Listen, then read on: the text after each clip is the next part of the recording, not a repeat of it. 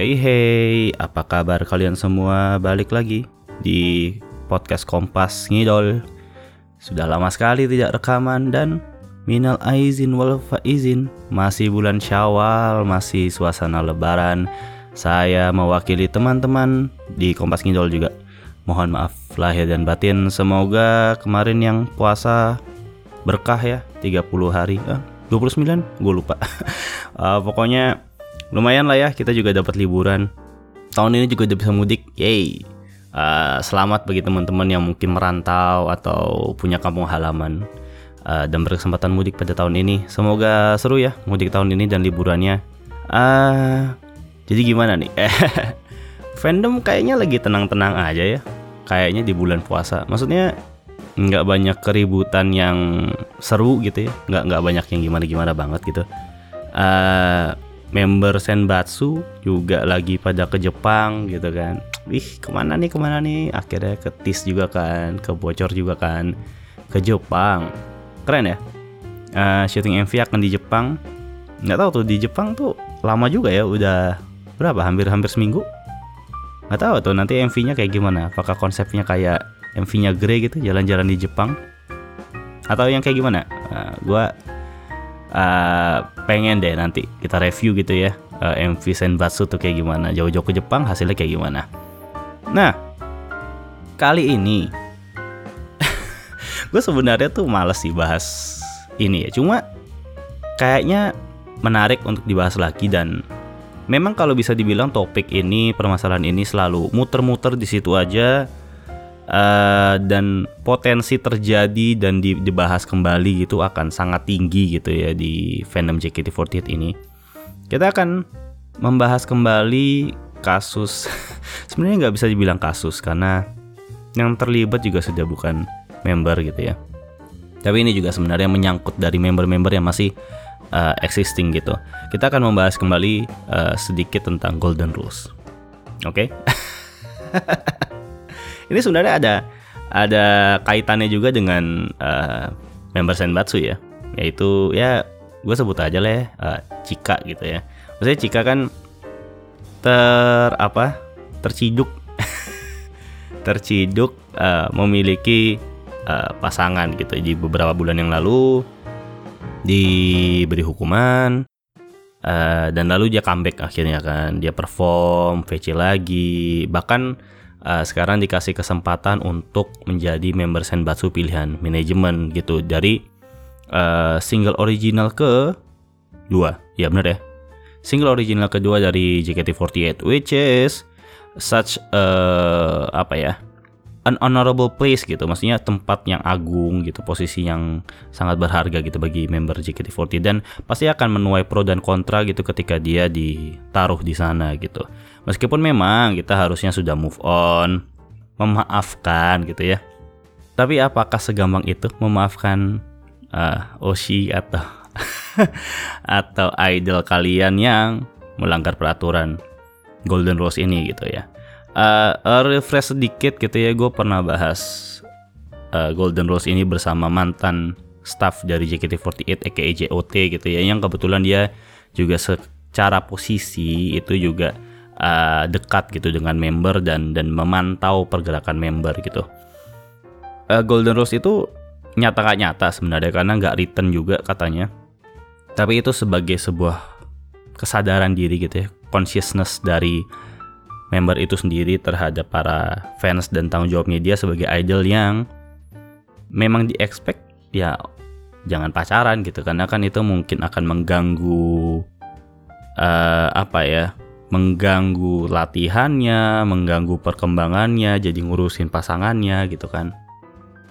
Ya banyak lah, banyak lah hal-hal yang sebenarnya dianggap negatif dari uh, seorang member memiliki pasangan atau pacar gitu. Tapi mungkin satu sisinya juga kan karena dia juga menyanyikan lagu-lagu cinta gitu ya, tapi tidak pernah merasakan cinta kan jadi kurang keluar gitu ya mungkin ya. jadi Jadi ya ada ada pro and cons lah. There is always uh, two sides of the coin kan. Jadi selalu akan ada dua sisi dari satu hal. Nah, hari ini uh, hari ini tanggal gue rekaman tanggal Kamis tanggal 12 Mei itu ribut-ribut lagi nih Golden Rules.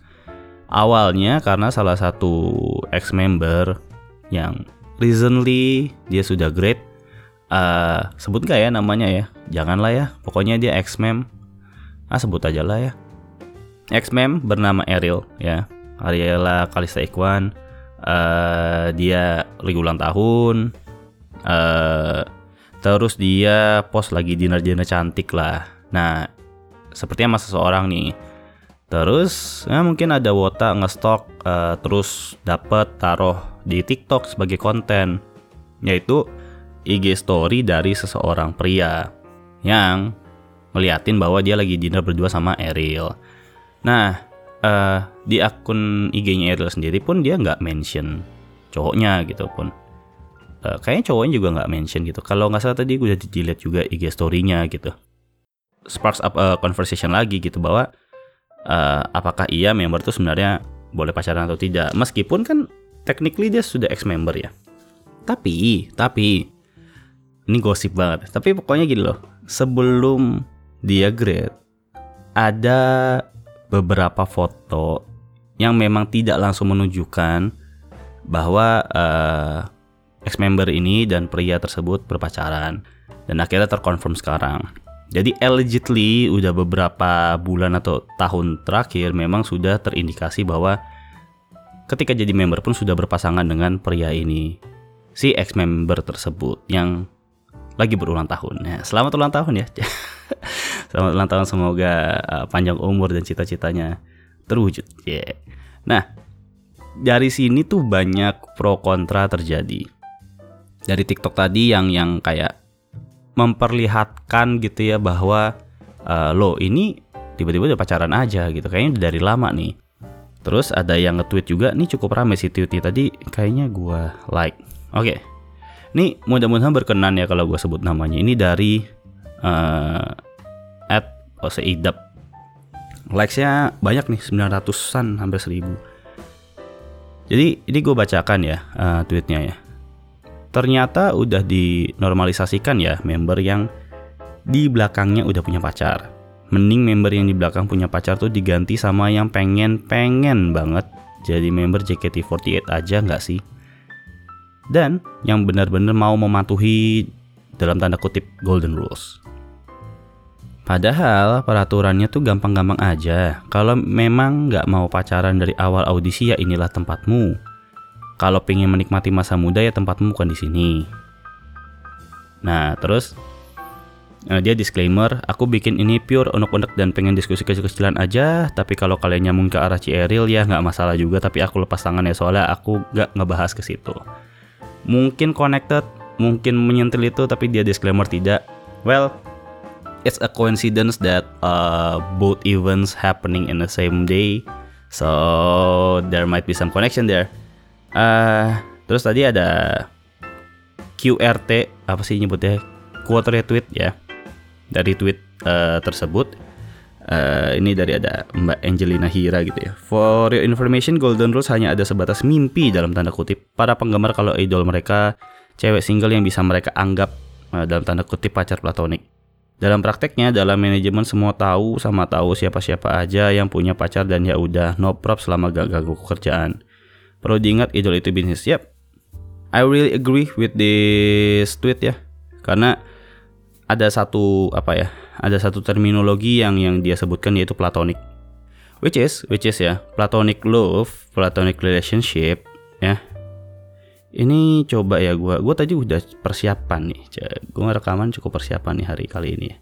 Jadi platonic itu mungkin teman-teman yang pernah dengar ya bahwa platonic itu uh, satu apa ya satu kategori dari perasaan cinta gitu. Jadi kalau kita lihat platonic love definisinya adalah uh, platonic love itu adalah cinta yang atau hubungan yang tidak melibatkan hubungan seksual atau hubungan intim. Bahkan kadang kadang-kadang sering kali bahkan itu tidak melibatkan uh, status dalam hubungan gitu. Pacar uh, ataupun uh, misal istri suami istri dan segala macam. Ini mungkin gua ambil dari ini klikdokter.com ya. Ini harusnya terpercaya ya. Nih, ini dia awal aja saat ini banyak istilah baru tentang hubungan asmara yang tersebar melalui internet. Salah satu istilah terkait hal tersebut yang akhir-akhir ramai diperbincangkan adalah platonic relationship. Uh, platonic relationship adalah hubungan uh, keadaan ketika orang-orang yang terlibat hanya berbagi perasaan dan ikatan erat namun tidak memiliki keinginan seksual.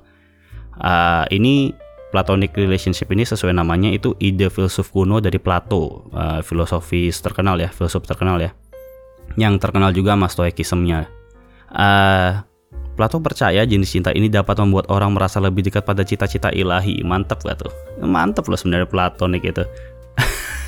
uh, nah nih, menurut Iksan Bella Persada uh, psikolog, platonic relationship adalah hubungan yang terjadi ketika dua orang teman saling baper dan sayang. Namun keduanya tidak mau hubungan yang terjadi lebih dari konsep pertemanan itu sendiri. Perbedaan hubungan platonik dan jenis lainnya dapat terlihat dan karakteristiknya. Selain kurangnya aspek seksual, hubungan tersebut juga memiliki tanda-tanda sebagai berikut. Kedekatan, kejujuran, penerimaan, dan pemahaman. Nah, tapi cinta platonik itu, ya, ini gue lanjutin aja karena seru banget ini artikelnya. Karena hubungan platonik itu juga punya manfaat bagi kesehatan dan kesejahteraan pelakunya. Pertama, yaitu cinta dan dukungan. Jadi, ketika membutuhkan diskusi, butuh dukungan emosional, kita udah tahu ada orang tersebut. Uh, oshi banget gak? oshi banget gak? Memiliki dukungan dalam hidup sangat penting untuk kesehatan mental tuh. Oh, member tuh juga butuh dukungan kita biar kesehatan mentalnya oke. Okay. Nih, Menurut penelitian yang dilakukan oleh American Psychological Association, dukungan tersebut dapat menurunkan risiko penyakit, meningkatkan kekebalan tubuh, dan mengurangi risiko depresi serta kecemasan. Oh, keren gak? Nih, kedua, menurunkan stres. Ketiga, tangguh dalam kehidupan. Mantap gak? Mantap men. Jadi kalau lihat dari itu tadi ya, meskipun memang kalau dari uh, mbaknya tadi ya bilang uh, Golden Rules jadi barrier atau sebagai apa ya? Sebagai thin line gitu ya. Biar member ini dianggap bisa punya platonik. Padahal sebenarnya menurut gue uh, yang telah menjalani gue jujur banget nih gue buka-bukaan gini gue tuh cukup platonik sih orang jadi uh, platonic relationship itu bisa juga sama pacar orang sebenarnya karena ya gue ada beberapa platonic relationship gitu dengan beberapa uh, orang gitu ragu-ragu gitu ngomongnya jadi Golden Rules memang jadi mengamplifikasi bahwa cewek ini single, tapi emang aslinya lo juga susah untuk lo pacarin karena keterbatasan ruang dan waktu gitu ya. Jadi ya platonik itulah yang terjadi sebenarnya. Dan gue sangat yakin ya, gue sangat yakin platonik itu tidak terjadi hanya da, hanya kepada fans ya gitu. Tidak terjadi hanya kepada fansnya tapi juga pada membernya itu sendiri. Kenapa? Karena member-member ini pun juga mungkin merasa gue yakin ya mungkin kalau yang skeptis ya nggak apa-apa tapi tapi gue yakin bahwa member-member itu juga punya rasa platonik terhadap fansnya karena setiap kali mereka nanya dijawab setiap kali mereka resah ada yang nge-DM misalnya ada yang nge-mention. So I think it's a you know simbiosis mutualisme gak sih? As long as you don't you don't break through that thin line gitu garis tipis itu yang dijaga oleh dalam tanda kutip golden rules yang kita tidak tahu keberadaannya. Ini golden rules ya. Kalau ada yang nonton Doctor Strange tuh kayak Book of Vishanti it's just a rumor it's just a mythology gitu ya. Tapi ketika ada wah terbuka semua. Dan dan dan serunya banget ya hari ini ya untuk membahas Golden Rules, Platonic Love dan segala macam ini. Gua gua subscribe PM GB dan GB eh, adalah Oshimen gue gitu. Uh, eh, GB tuh nge-PM gitu. Ini gue buka-bukaan aja karena kalau lo ketik uh, hashtag balasin GB di Twitter mungkin lo juga akan eventually ketemu gitu uh, pertanyaannya di PM. Dia di PM tulis bahwa aku nggak bisa selalu ada buat kamu, kehadiran aku juga nggak seintens itu buat kamu. Tapi kenapa kamu masih mau dukung aku? Kita jarang ketemu, ngobrol pun juga mungkin cuma beberapa kali dalam sebulan, apa yang buat kamu bertahan? Nah, it, in this stage mungkin dia juga wondering gitu. Kayak gue 10 tahun nih di sini ya. Kok ada yang masih mau dukung gue tahun-tahunan? Gue mau grade aja masih ada yang mau support gue with all the effort with all the time with all the energy with all the money especially ya. Karena ngidol itu nggak murah guys. Uh, jadi well mungkin dia wondering juga dan I don't know it, it's all coincidence in a same day uh, apa ya it's weird to say it's not connected, you know. but but here's the thing. Here's the thing. Uh, well, I can answer this question by you know it's platonic love. That's it. It's platonic love. I'm gonna be frank with you. I'm gonna be honest with you. It's platonic love. Per se, per se. Lo bayangin ya, siapa yang mau keluar duit jutaan, belasan, even mungkin puluhan. Untuk ngedukung orang atau membahagiakan atau buat seseorang menjadi senang yang di mana selama mungkin lo masih jaga boundary lo sebagai fans dan idol lo nggak pernah ketemu dia secara langsung outside of the you know outside of the idol ecosystem di luar teater di luar video call handshake anything uh, eventnya JKT gitu. Lu juga not the special or direct friend. So it's a kind of one-sided platonic, you know. it's kind of depressing mungkin. It sounds depressing, it sounds pitiful, menyedihkan gitu mungkin untuk beberapa orang yang mungkin tidak memahami platonic love ini. Atau mungkin mendinai bahwa mereka juga punya platonic love tapi bukan ke idol gitu, tapi mungkin ke orang lain gitu. Mungkin aja gitu mungkin saja. It's interesting gitu kalau lu uh, coba pelajarin kita platonic love uh, mungkin coba gabungin sama stoicism anjing jadi ribet banget di episode. Uh, tapi tapi you know selama lu tidak punya banyak harapan kepada Oshilu as long as you know what you pay what you spend uh, waktu yang lo luangkan, energi yang lo luangkan, it gives you the same energy, the same excitement, and you know happiness, temporary happiness yang memang lo harapkan. Well, it's beneficial for both sides, ya kan? Itu menguntungkan idolnya, menguntungkan fansnya juga gitu. Selama lo tahu boundaries gitu. Dan balik lagi ke topik awal gitu, golden rules uh, benar diciptakan untuk itu. Dan menormalisasikan member pacaran tidak. Gua sih salah satu yang cukup apa ya? Cukup believe golden rules itu perlu sekali diterapkan dengan baik gitu ya. Seperti halnya ini analoginya terlalu jauh sih, seperti halnya korupsi gitu ya.